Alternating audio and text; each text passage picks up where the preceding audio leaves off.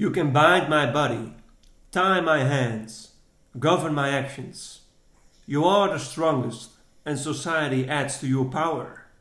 But with my will, sir, you can do nothing. Bedtime story time. Oh, Hallo strijdende studenten. Het is weer tijd voor Bedtime Storytime. Een podcast van studenten voor studenten. Werken, feesten en studeren, het wordt ons soms allemaal net iets te veel.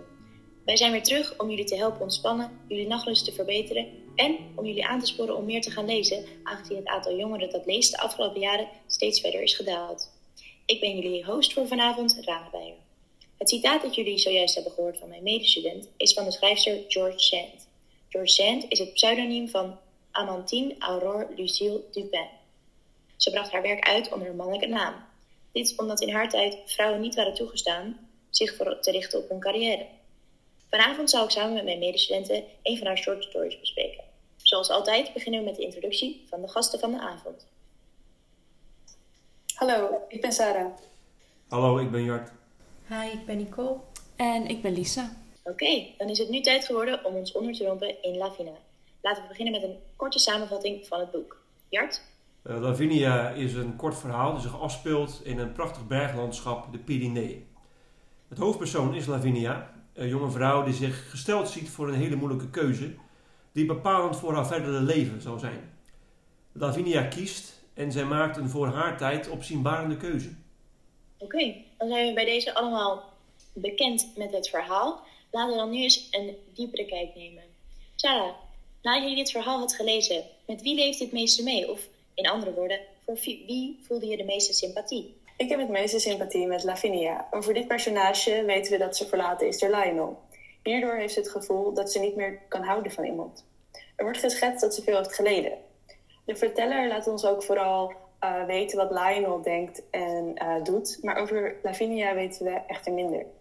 Ik heb sympathie voor haar, aangezien ze door Lionel wordt gewaardeerd voor haar uiterlijk en haar sociale reputatie, terwijl hij eerst um, haar echte zelf verliet en niet waardig vond om uh, te trouwen. Ik sluit me aan bij wat uh, Sarah zegt. Uh, voor mij is Lavinia ook het personage waar ik mij het meest mee identificeer en ook het meest sympathie voor heb. En dat komt denk ik door het beeld dat de externe verteller van Lionel schetst. Ehm, hij schetst een beeld als dat Lionel heel erg een soort van koudbloedig en egoïstisch en ijdel is. In het boek staat onder andere Beneath a handsome, manly face, beneath a youthful and vigorous expression, he concealed a heart as cold and worn out as an old man's. En dat staat in heel uh, scherp contrast met de manier waarop uh, Lavinia wordt beschreven. Dus dat uh, vond ik zelf wel opvallend. Ja, ik deel het gek genoeg ook. Want ook al wordt een groot deel van het verhaal wordt gefocaliseerd vanuit Lionel, toch heb ik meer sympathie voor Lavinia. En ik denk dat dat komt omdat zij door het verhaal heen echt wordt afgebeeld als een zeer redelijk karakter. Dat echt de tijd neemt om haar beslissingen te nemen. Dat zien we bijvoorbeeld aan de manier waarop ze Lionel afwijst. Want zelfs wanneer ze hem afwijst, kijkt ze ook nog naar haar eigen fouten. Hoort u maar dit citaat. En why should I blame you for being like that? Are we not all weak and fiddle? Was I not myself calm and cold when I approached you yesterday? Was I not perfectly certain that I could not love you?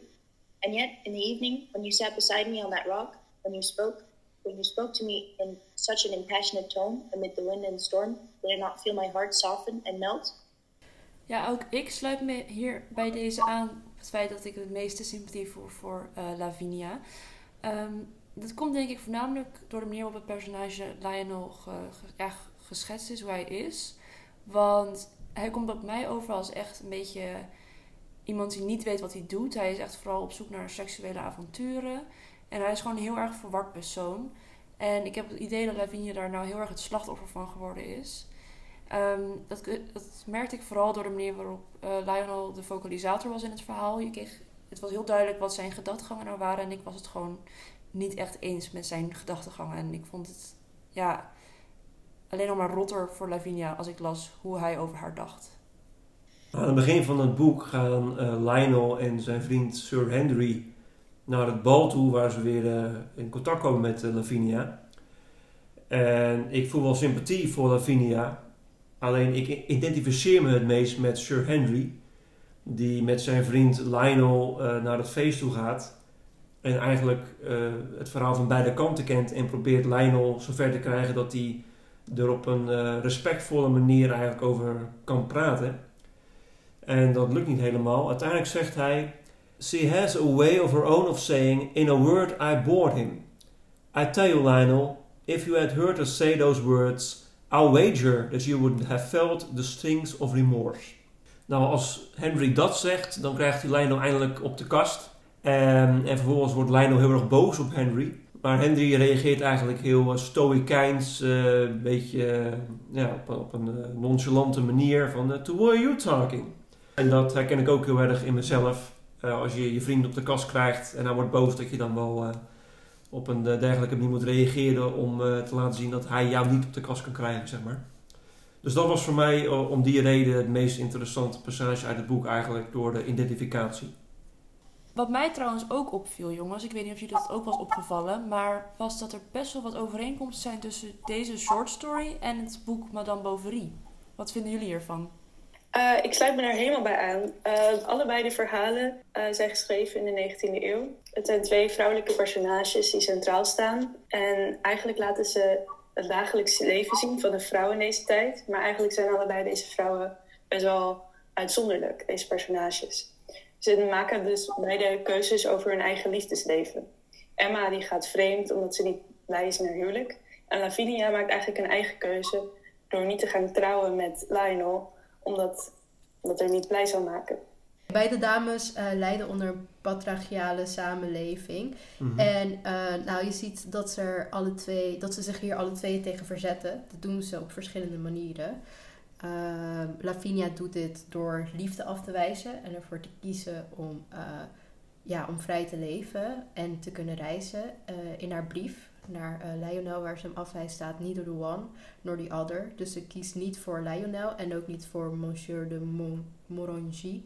En Emma verzet zich door mannenkleding te dragen en sigaren te, te, roken. En wat ook wel grappig is, is dat George Sand daar ook bekend voor staat. Ja, George Sand die droeg vrouwenkleren eh, of mannenkleren en rookte sigaren. Ja. Wat mij ook nog heel erg opviel was dat in Lavinia uh, Lionel juist doorheeft dat Lavinia steeds meer volgens de Engelse normen en waarden is gaan leven. Dus haar accent is verminderd, ze danst minder uitbundig, ze kleedt zich compleet anders. Terwijl Madame Bovary Emma zich juist tegen de richting keert, zeg maar. En zich dus juist anders kleedt en de sigaar rookt, wat juist niet verwacht wordt. Dus in dat opzicht is het dan wel weer een contrast tussen de twee verhalen. Maar aan de andere kant zijn er ook verschillen. Want Emma Bovary wordt juist uh, geschreven door de externe verteller als een minder uh, sympathiek personage. En die dan ook keuzes maakt die wij misschien als lezer niet kunnen waarderen. Terwijl Lavinia, um, over haar weten we minder en er is een mindere focalisatie vanuit haar perspectief. Waardoor we haar, vond ik, sympathieker uh, vonden. De externe verteller Madame Bovary die was altijd heel erg kritisch naar Emma en haar gedrag toe. En in Lavinia kan je denk ik wel teruglezen dat de externe verteller meer aan haar kant staat dan die van Lionel. En maar ik denk ook dat Lavinia wel een vrouw is waar Emma naar zou opkijken.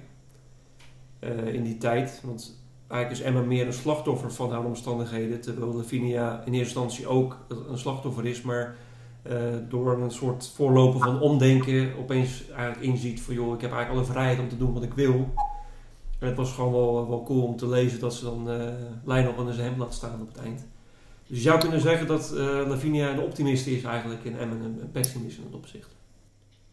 Ja, het zijn inderdaad interessante inzichten. Zo zie je inderdaad dat beide vrouwen proberen zich los te maken van de taken die hen worden opgelegd door de maatschappij. En ze gaan hier allebei heel anders mee om. En je zou misschien zelfs kunnen stellen dat dit Lavinia beter is gelukt dan Emma. Want zoals we weten loopt het met Emma een stuk minder goed aan. Nou, strijdende studenten, onze tijd zit er weer op. Ik hoop dat jullie tot rust zijn gekomen en ik wens jullie een goede nacht. En ik hoop dat jullie morgen toch maar dat boek oppakken.